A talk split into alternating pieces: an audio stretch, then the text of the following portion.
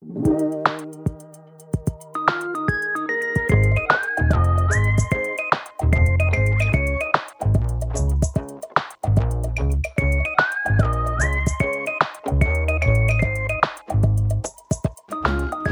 och välkomna tillbaka till det här femte avsnittet av Byggnadsvårdspodden. Och jag som pratar är som vanligt Josefina Fogelin och jag sitter här tillsammans med Anton Björklund och Svante Hellbäck Thyrén. Hej! Hallå, hallå. Hej. Hörrni, idag så ska vi prata om att byggnadsvårda med familj och det blir ett kanske inte lika faktaspäckat program som vanligt utan vi ska diskutera frågor som kanske liksom inte har en spec ett specifikt svar. Eh, utan vi ska diskutera lite på olika sätt. Och familjer, hur kombinerar man familjeliv med renoveringsobjekt? Familjer de kan ju se ut på, på olika sätt. Eh, men vi har eh, i dagens podd valt att fokusera lite på det här med eh, att renovera med barn. Hur fungerar det? Hur får man familjelivet att, att rulla? Och något som passar in bra på det här temat det är att den personen som ligger och hickar här i bakgrunden det är min nyföding Ture som ligger och sover. Han är med oss här idag. Så om ni hör några konstiga ljud, hick, hickningar eller grymtningar så är det antagligen, kan man väl säga, Ture. Eh, eller så är det någon av oss som har ledsnat på Ja, somnat. Ja, precis. Spela in. Men Svante och Anton, vilken typ av renoveringsprofil har ni? Renoverar ni med familj? Jag försöker väl att involvera, eh, nu har jag i och för sig en tvååring, ja, hon är ju inte med så där jättemycket, men skura golv tycker hon är kul. Mm. Eh, men fyraåringen, absolut. Där, eh, vi gjorde faktiskt för två veckor sedan, där eh, var det en fönsterbåge som hade kraschat en ruta eh, på vår lekstuga. Vi har inte barnsäkra rutor, utan det är förstås riktigt glas. Vågigt. Mm. Ja, nej men det var en, en trasig eh, ruta som vi kittade ur, skar till ett nytt glas, eh, stiftade, kittade, målade allting. Där hon fick vara med liksom, hela processen. Eh, så det var ganska kul. Ja, men sen har vi, jag försöker väl involvera så gott det går. Det är väl inte alltid liksom, men kan foga kakel och, och måla med linoljefärg och sånt där. Vänta nu, fixar din fyraåring och foga kakel? Vad Ja, har du för geni Va? fyraåring? Otroligt. Jag kan inte. ja men det, det är kladdigt och det ligger i en hink och det är roligt att smeta på väggen och sen kör man bara. Ja, gäller att maskera bara. Där har du knepet. Mm. Och sen en, en rock på så att den inte har finkläder. Känns rimligt. Ja. Ja. Nej, nej men så det, det, jag tycker det är kul att lära barnen lite hur man tar hand om sitt hus. Mm. Det är ganska viktigt, Mm. tycker jag. Svante, du renoverar som singel. Det stämmer. Vad är det bästa med det? Ja, det är väl för det första att man får bestämma mycket mer själv Mhm. naturligtvis. Men samtidigt är det klart, eh, jag vill ju att gården verkligen ska bli en plats för hela min familj som ju finns också. Mina systrar och min bror och, och andra delar av släkten. Så att eh, eh, jag tycker att det är väldigt viktigt att ha med det perspektivet också. Att man liksom Mm. inte snör in på, på en sak sådär. Men det är klart att jag menar, jag är ju otroligt liksom, passionerad för byggnadsvård och gamla material. Så att eh, hade jag haft en partner som inte var det, ja det hade nog varit komplicerat tror jag. Eh, eventuellt. Det kanske finns många lyssnare som lever i just sådana situationer. Men nej, så visst, det finns faktiskt fördelar med det att vara singel och byggnadsvårdare, att det, Mm. det får man säga. Mm. Eh, Men sen funderar jag mycket på det här med, ibland så samäger man ju hus i en en sommarstuga till exempel. Sådär. Mm. Och det kan ju också vara en intressant situation att lösa, eller hur? Hur ska man byggnadsvårda i sådana sammanhang? Vad, vad tänker ni? Ja, jag har inte så jättemycket erfarenhet av det, men mina, min farmor och farfar de köpte ju en eh, tomt på 60-talet då det var inne med så sportstugor liksom. Och så byggde de ett, eh, en sommarstuga eh, själva som nu min pappa och hennes, eller hans eh, eh, systrar fick ta över då. Eh, som vi har ju spenderat alla somrarna där och det, där eh, var det ju eh, lite diskussioner om hur man gör med underhållet och, och spendera tid där och så vidare. Och, och är man då tre som bestämmer om en fastighet, ja, det finns ju, finns ju risker för bråk om det inte blir Ja, jag tänker om man skulle hamna i en situation att eh, liksom, omröstning, släkten vill byta ut fönstren. Mm. Mm. Jag skulle ju bryta ihop, tror jag. Ja. Då säger man ju upp bekantskapen. Ja. En sån Ja. familj vill man ju bara inte ha. Nej. Nej. Nej. men det är klart att det finns fallgropar. Eh, och olika smak, olika mm, åsikter om vad som är viktigast Mm. och, och pyssla med. Olika ekonomiska förutsättningar, Mm, inte minst. Mm. Eh, och också verkar det ju vara, när jag har pratat med folk som, som är i den situationen, det här med om man bor nära eller bor långt ifrån. Bor Mm. man nära så är det ju lätt att man får alla vardagliga sysslor plus då de här renoveringsprojekten Mm, och sådär. Så att det finns väl massor med fallgropar där. Mm. Jättesvårt. Men super om det fungerar. Man får väl komma ihåg att det är ju inte bara husen som ska vårdas, utan det är ju också att vi tar hand om varandra lite grann på Ja. något sätt. Men, ehm, mm, När, Så är det. när det kom till våran sommarstuga så såldes ju den tyvärr. Och, eh, ja, till barnbarnens eh, besvikelse. Men eh, ja, så kan det vara. Det är väl inte alltid det så lätt att bestämma tillsammans. Kanske. det är Jag jättesvårt. Men när man väl har sålt en sån, ett sånt ställe är det ju svårt att köpa tillbaka. För oftast är det ju eh, handlar om rätt så mycket pengar liksom. mm. Eh, Jag har hört att eh, husrenoveringar och eh, segelbåtar är två tydliga orsaker till skilsmässor. Mm. ja. Eh, jag vet inte om det stämmer, men eh, kan, tänka tänka mig. mig att det finns ett visst korn av sanning i det. Definitivt.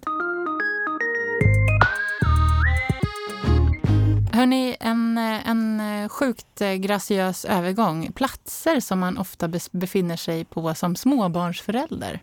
Det är ju badrummet och köket, va Anton? ja. Ja, och du har ju med dig någonting som eh, handlar om just det. Ja, en ganska rykande färsk bok Ja. som kallas för, eller som heter Tidstypiska kök och bad. Ja.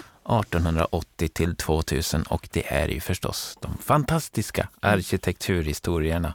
Cecilia Björk och Laila Reppen som har gjort den här tillsammans med Gustav Rävjägaren Bergström som Mm. ni säkert känner till. Och det här är ju en rätt så nice bok kan jag säga. Mm. Årets bok faktiskt, 2020. Mhm. Och eh, den har ju då samlat hur kök och badrum så, ja, har sett ut egentligen från 1880 fram till 2000-talet. Mm. Och det är en bok som man mycket ofta bara fastnar i. För Mm. man sitter och tittar och, och sen börjar man läsa och det som är kul också är att Gustav har ju bidragit med eh, små historier kan man väl säga om hur livet vid varje liksom, årtionde Mm. eh, ja, kunde vara i köket eller i badrummet. Alltså hur, hur tillagade man mat på 20-talet eller hur tvättade man sig och så vidare. Vilket ger en, en lite större bild än om, om det bara skulle vara presenteras eh, rakt upp och ner. Mm. Men sen är det också liksom, bilder på planlösningar och, och genom dem får man en uppfattning om hur, hur byggdes husen, hur, hur, eh, eh, ja, men hur såg de ut helt enkelt. Oftast liksom sekelskiftet så var det ju eh, hus med innergårdar, vad det kallas. Ja. Mm. Och då de, de yttre husen mot vägen, där var det liksom eh, vardagsrum och matsal och sådär. Och sen eh, rummen mot eh, innergården var ju kök Mm. och sovrum och sånt där. Bara en sån sak. Det är ganska intressant. Så man lär sig väldigt mycket.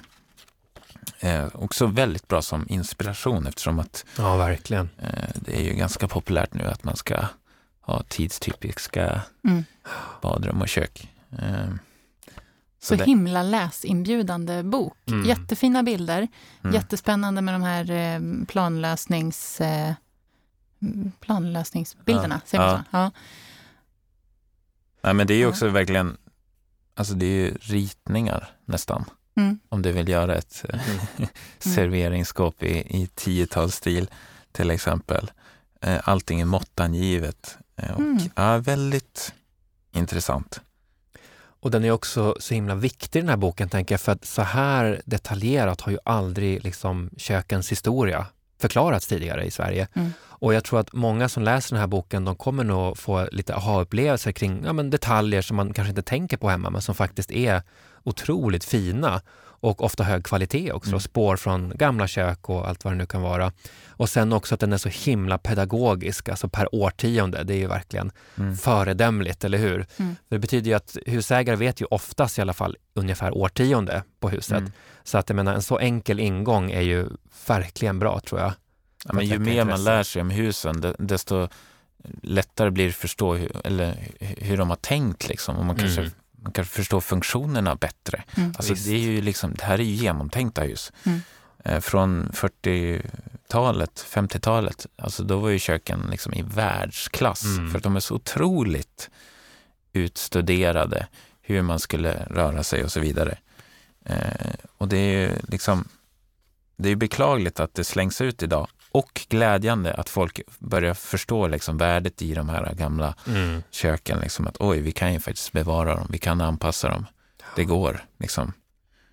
Börja se kvaliteterna. Och det känns ju som att de bryter ny mark också för att de går så långt fram i tiden, till millennieskiftet. Ja, Alltså, och det är verkligen, det tycker jag är imponerande, för att det är många som inte kanske törs det, för man tänker att nej men nu eh, tänjer man på gränserna för mycket. Men jag menar, tiden går. ja, Alltså visst, de står inte jättehögt i kors nu, 80-talskök, men vem vet? nej, jag, jag håller med. Och, och det blir ju ganska tydligt också trenderna. Liksom. Alltså det som kanske på 90-talet eller 2000-talet, jag menar, bubbelbadkar, liksom. det är ju knappt någon som sätter in det nu till exempel. Alltså, och, och det, så man, man fattar ju liksom att mycket av det här är flugor, Mm. när man ser det lite i, perspektiv sådär. Känner ni er också lite lurade när ni, när ni inser då att mm, er egen smak, den där fantastiska individuella, kanske inte är så fantastisk och individuell? Jag kä- jag känner mig, jag känner mig lite lurad. Jag känner mig dum när jag inser det. Ja, nej men alltså, Det är inte ja, mitt kanske. påhitt med gjutjärnsbadkar och, och lerbadrum just nu. Nej, det, man, man, kommer nog, alltså man kommer nog kunna se tillbaka på 2020-talet som, som någon sorts revival av liksom, ja, hur det var. 1920-talet Ja, kanske. Mm. precis.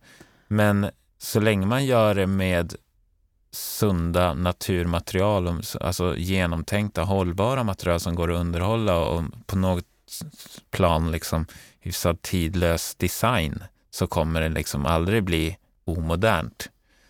Förutom att det mest moderna vi gör just nu är ju att tänka på material Mm. och eh, renovera eh, Mm. eh, miljömässigt. Eh, sådär, eh, förstås. Eh, men eh, jag är jättesugen på att läsa den här boken. Den Mm. måste jag införskaffa. Mm. Ja, nej men det tycker jag nog varje husägare och Ja. lägenhetsägare också bör göra. Ja, toppen. Eh, Svante, du har tänkt tänkte tipsa om en bok som, om någonting som ligger mig väldigt varmt om hjärtat. Ja, alltså nu gör jag ju lite reklam för mig själv här, höll jag på att säga. Eh, nej men jag håller på att avsluta en bok precis som heter Kakelugnen i Sverige. Den ska bli klar här strax efter sommaren. Eh, och det är en antologi, alltså en samling då essäer och texter av olika, både konsthistoriker men också vetenskapshistoriker och andra som skriver just kakelugnens historia i Sverige. Och det här var en otroligt rolig bok att göra, dels för att det är fantastiska författare som är jättekunniga och liksom blandar ni vet, olika perspektiv. Men sen är det också så spännande med kakelugnar för att em, de är ju otroligt folkkära, eller hur? Alltså ingen Mm. tycker illa om en kakelugn. Det är ju verkligen den ultimata myssymbolen eller vad man ska säga. Men samtidigt så tror jag att vi, vi underskattar ganska mycket hur mycket de betydde, kakelugnarna. Ehm, under en lång period så var det ju den kanske vanligaste värmekällan i, i många svenska hem. Ehm, och det som gjorde att det blev så, det var ju förstås det här berömda, ni vet, rökkanalsystemet. Så att kakelugnar har ju funnits sedan urminnes tider, men eh, 1767 brukar man säga, det är ett sånt här märkesår, för då kommer ett, ett, ett, eh, eller introduceras i Sverige då ett system med vertikala rökkanaler. Så att istället för att ni vet brasans värme går rakt upp genom skorstenen så leds den runt då i flera varv inuti kakelugnen. Eh, och då var det ju Carl Johan Kronstedt, en väldigt känd arkitekt och eh, en, en militär också som heter Fabian Vrede. De två. vi vet inte vem som gjort vad exakt i det här. Förmodligen är det Vrede som har, är den verkliga hjärnan bakom det här. Men de två sammanfattade en väldigt pedagogisk skrift kring mm hur man murar kakelugnar. Och den kan man faktiskt ladda hem, den här skriften också, finns på Kungliga bibliotekets hemsida. Den ja. heter eh, Beskrivning på ny en inrättning av kakelugnar till veds besparing. Kan Oj. man söka på.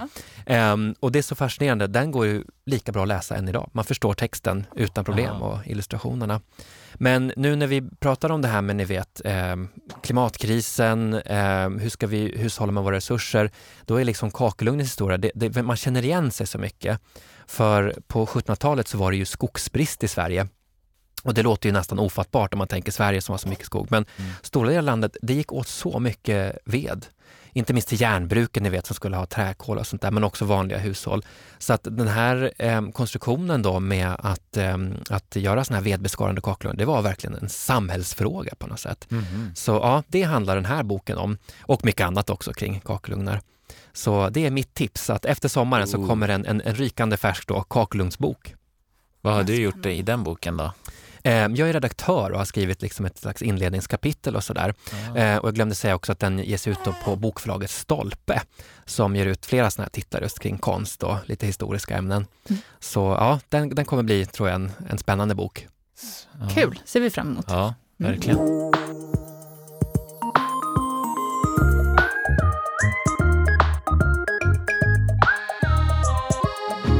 Ja, då har vi med en gäst på länk från Jämtland och det är Hanna Bågling Källström, även känd som Glashuset. Det är ju namnet på ditt eh, Instagramkonto, va? Eller hur Hanna?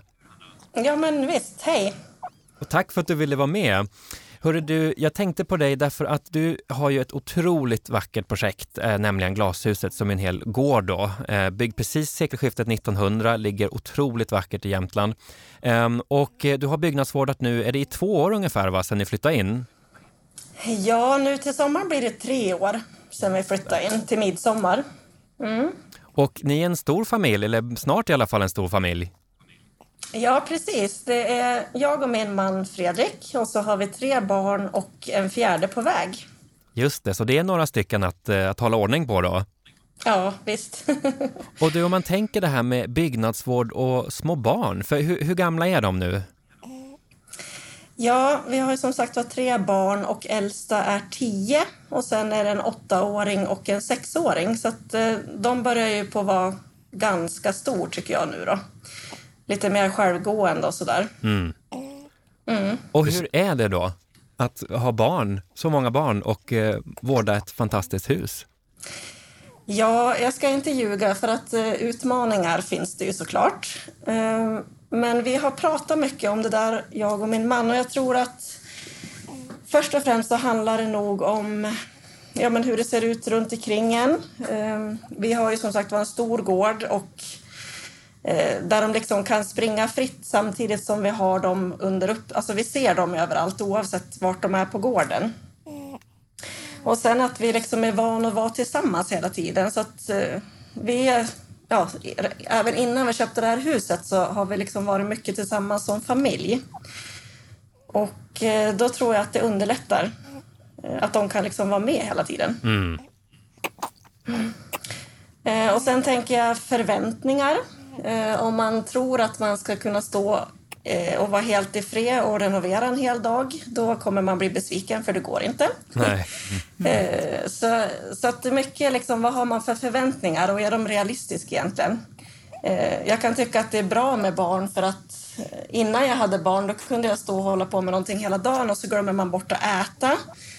Men när man har barn då måste man ju liksom sköta allting sånt också så då måste vi laga lunch och vi måste laga middag och ja, sådär. Så att, eh, jag tycker också att det är positivt. Men kan du inte berätta också glashuset, gården, vad är det för, vad är det för ställe? Bara så att lyssnarna får en, en bild av. Mm. Ja, glashuset då som jag kallar det, det är ju en stor, som sagt var sekelskiftesvilla eh, som ligger uppe på ett berg som heter Edeberget. Det är, det är ett ganska litet berg med utsikt över sjön. Och det är inte bara själva huset utan det är också en loge, timrad loge i flera våningar, eh, en timrad lagård och ett stall och en smedja. Så eh, det är ganska, ja det är flera byggnader att vårda. Väldigt idyllisk plats. Ja, vi tycker att det är den perfekta platsen, men Vi såg ju på Det sitter i väggarna. Du var väl med där? Var det sista Mm. säsongen va? Ja, precis förra, förra säsongen som har sänds, eller sista säsongen som sändes då, den sjätte säsongen. Ja, man blev ju lite hänförd kan man säga. Ja, milt sagt. Ja, vi, vi tycker ju att vi har allting. Vi vill ju bo på landsbygden först och främst. Vi är födda och uppvuxen här. Och eh, närhet till vatten och skog och ja, men kunna ha lite djur och sådär. Så vi är, vi är inga stadsmänniskor kan man säga. Nej, men vi har ju fått lite olika frågor från läsare så här, för vi tänkte vi kunde svara på några av dem. Men många, är, ju- många frågar sig liksom hur, man, hur man finner eh, ork eller tid och, och liksom hålla på med sitt projekt, eh, kanske på kvällar och så här. Eh, Mm. Ja, jag tror att många tror nog att vi håller på mer än vad vi faktiskt gör för att vi är ganska duktiga på att dela upp det. Så att om jag till exempel står och håller på med fönster i två timmar eh, då kan vi åka med barnen och bada sen om det liksom är en fin sommardag. Eh, och sen när de går och lägger sig på kvällen då kan jag fortsätta. Så att eh, vi det blir lite grann som ett rullande schema. Vi, vi, jag står inte åtta timmar och håller på med någonting utan det blir liksom lite mer upphackat. Ja, just det. Mm. Man får sätta kanske delmål bara. Ja, men nu ska jag hinna med, inte hela fönstret, men kanske bara skrapa det eller någonting. Ja, men precis. Det funkar för mig i alla fall att jag delar upp det så att eh, precis som du säger att ena dagen kanske jag skrapar och tar bort shit och tar ur glasen och sen så hittar vi på någonting annat. Och sen nästa dag då kanske jag ja, sätter i glasen och kittar och håller på igen. Och så ytterligare en tredje dag då kanske jag målar och, och så där så att eh, ja, så, så har vi gjort i alla fall. Och jag kan säga att när vi köpte det så gick jag ut väldigt hårt och eh, gjorde väldigt mycket första sommaren egentligen. Då, då jobbade vi väldigt, väldigt mycket liksom från morgon till kväll och hela semestern gick åt till det. Eh, och det insåg vi att det, det orkar vi inte. Alltså det funkar inte. Eh, så förra sommaren till exempel, då renoverade jag knappt något fönster överhuvudtaget. Så att, eh, då blev det lite tvärtom där istället. Eh, men vi har ju så mycket att göra så att det finns mycket att välja och variera på. Just det. Det är ett maratonlopp, liksom, så man Ja, komma ihåg det. jo men precis så att man får anpassa det efter årstiderna också. Ja, man vill ju vara ute och hålla på när det är sommar och sen kan man vara inomhus på vintern. Och hur är det, för du har ju barn i lite olika åldrar. Är det så att eh, alla är intresserade eller är det någon mer lite än annan? Hur, hur, hur bemöter man det där? Ja, jo men de är ju tre olika personligheter och tycker Eh, mittenflickan hon tycker att det här huset är skittråkigt och inte alls jätteimponerad. Hon, eh, hon var inte imponerad över att vi skulle vara med i Det sitter i väggarna heller för hon tänkte att det är alla. men eh, så det är olika och när de var mindre så är det lite svårare för då måste man ju ha liksom mer uppsikt över dem och sådär men vi har ju hela tiden försökt att få med dem. Ja, men att de tidigt får vara med eh, och lära sig skära glas tycker de är jättekul. Eh, får man ju se till att de har handskar och mm, ja, inte gör illa sig men att de, är, de kan ju stå bredvid mig och skära glas när jag skär glas. Eh, linoljekitt, det blir lite grann som Play-Doh. De kan hålla på och göra gubbar och eh, Ja, det gick åt ganska mycket. Det går väl åt dubbelt så mycket shit.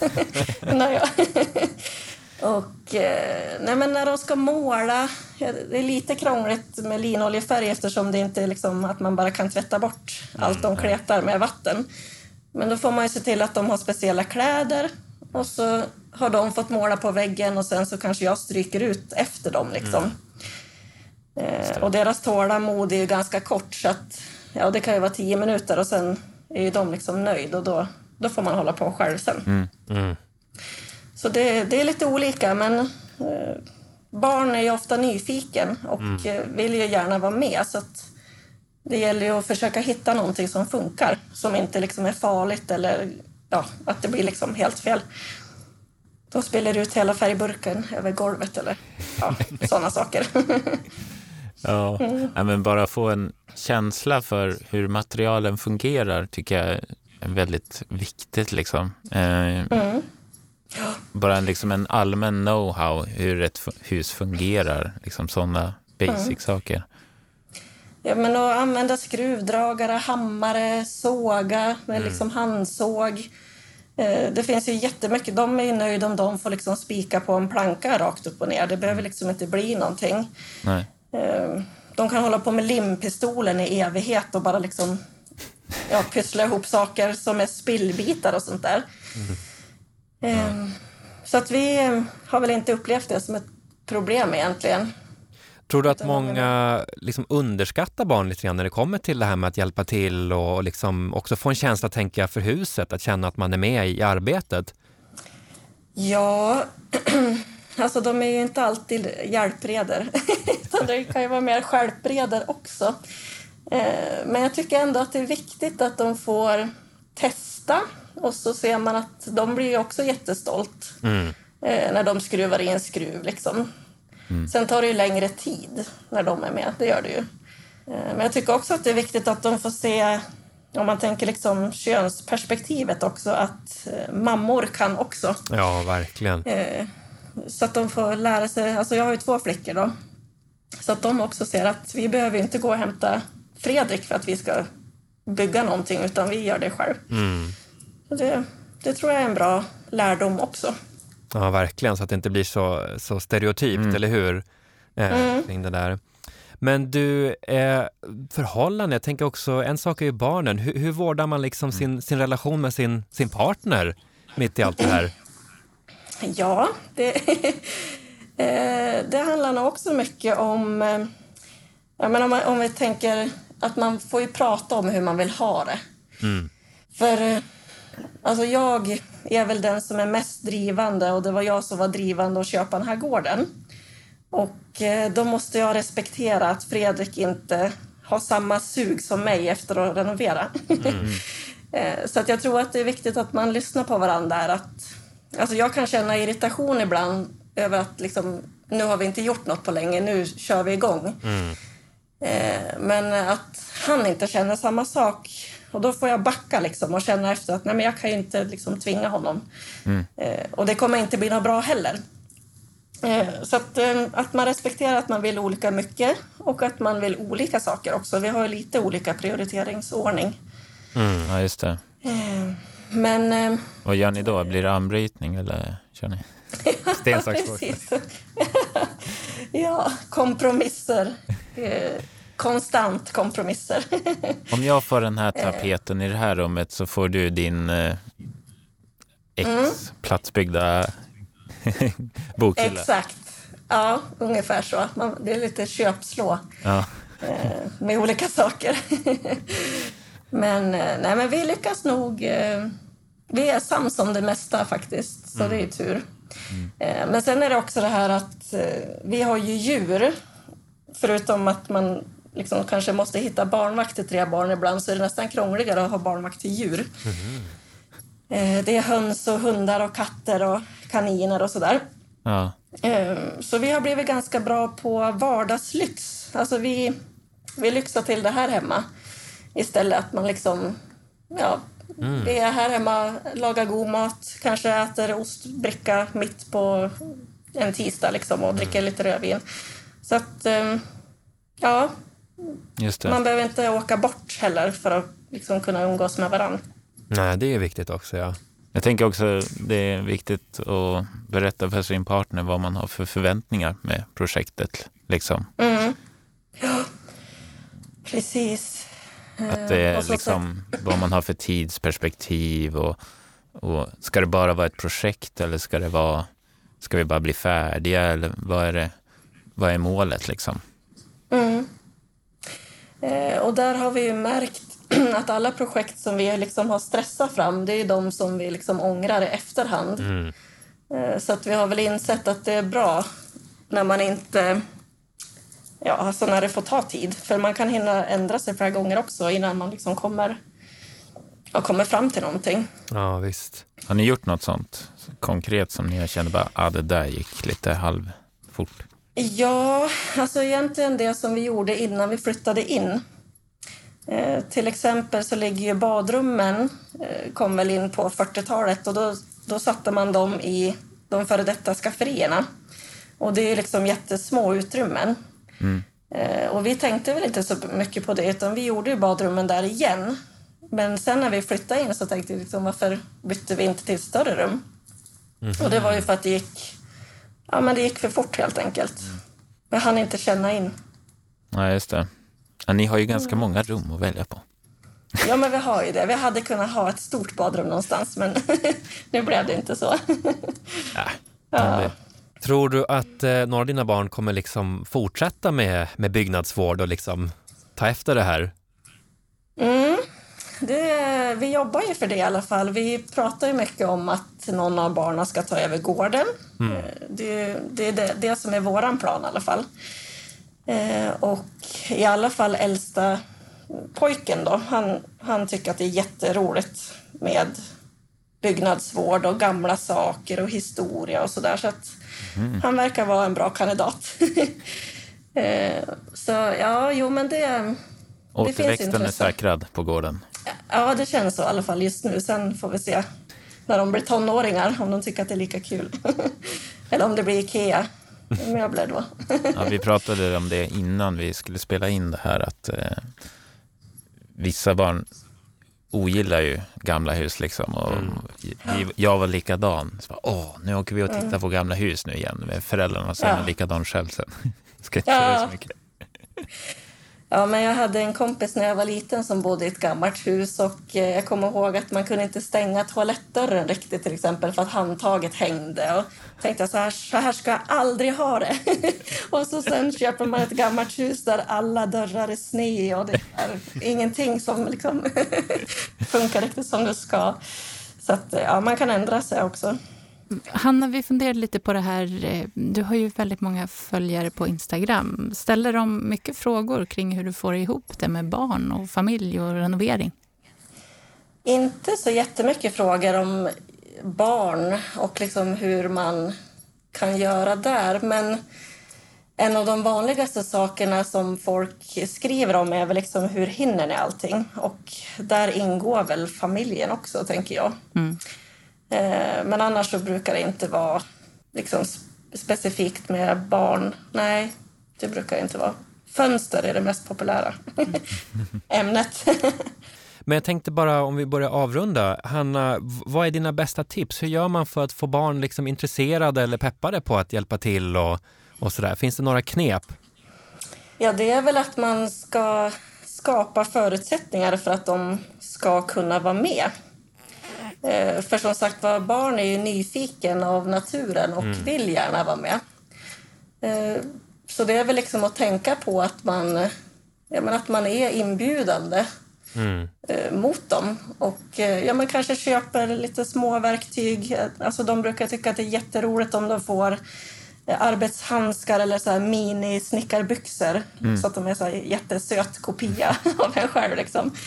Eh, och då, ja, men då blir det lite roligare. Och, eh, de har ju en sån enorm fantasi så att eh, de kan ju sitta och leka med en hammare och en pinne jättelänge och bygga saker som egentligen inte blir någonting, men för dem är det ju någonting. Eh, Så det är väl egentligen det jag kan komma att tänka på. Jag tänkte på Att att, man- du berättade där också om att, du hade, att ni har så många olika projekt också. Och det skapar ju Mm. en variation liksom. Ja, precis. Jo, men som sagt var, ena dagen leker de med shit, andra dagen kanske vi planterar någonting i trädgården. Eh, tredje dagen så bygger vi någonting. Ja, så att eh, Just det. det finns mycket att välja på. Det är bra med ett stort projekt. Ja, jo då, det är livslångt. Ja, men vad fint. Då tror jag att vi har eh, klarat av de flesta frågorna vi hade. Men Hanna, är det någonting du tycker vi borde fråga dig, lägga till, du vet, någonting som du tycker är ett bra budskap till alla lyssnare? Ja, egentligen, om man ska liksom sammanfatta, sammanfatta hela det här med familj och renoveringar och allting så är det nog det där med förväntningar. Det spelar som ingen roll om man förväntar sig att jag ska hinna renovera hela den här gården på fem år, då kommer jag bli jättebesviken. Eh, om jag förväntar mig att jag ska kunna liksom göra allting i fred, eh, då kommer jag också bli besviken för att det funkar liksom inte så. Utan det, man måste ha lite realistisk tidsplanering och eh, liksom förväntningar på eh, ja, hur man faktiskt kan kombinera. Mm. För jag tänker att barnen är ju det viktigaste. Eh, och de, blir ju, de växer ju upp så fort. Så mm. det är jätteviktigt att man inte liksom tokrenoverar fem år och så bara oj, nu är mina barn snart tonåringar och så har jag liksom missat hela det. Så att det är nog viktigt. Just att man det. inte missar livet samtidigt som man renoverar för mycket. Bra tips. Ja, verkligen. Ja, men tusen tack för att du var med Hanna och som sagt på Instagram kan man hitta dig Glashuset så ser man ditt fantastiska konto där du också lägger ja, men... upp eh, tips och filmer ibland. Ja men precis och så vill jag säga det är Glashuset och så ett understreck där på slutet annars just hamnar man på ett just. annat glashus i Stockholm. Ja, det finns flera. ja det finns flera tydligen. Ja. Glashuset med ett understreck efter. Ja, men tusen ja. tack Hanna och lycka till. Vi fortsätter följa och se hur det utvecklar sig. Tack så jättemycket för att jag fick vara med.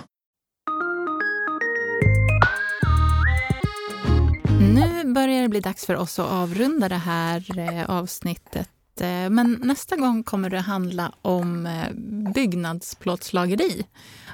Och om man på något sätt vill medverka i det programmet, hur gör man då, Anton? Man skickar ett mejl till podd byggnadsvard.se mm. eller kontaktar oss på Instagram, mm. Byggnadsvårdsföreningen. Mm. Det är väl kanske det enklaste. Mm. Och då ska vi prata om just plåtslageri, alltså skorstenar, tak, eh, vad har vi mer? Spiskåpor. Mm. Det finns ju ganska mycket metallhantverk som ja. är viktigt i gamla hus. Mm. Ja, lite bortglömt kanske? Ja. Eller förbisett. Verkligen. Ja. Mm. Nej, det ska bli intressant. Det ska det. Lyssna då och tack så mycket för att du har lyssnat idag. Hej då! Hej då!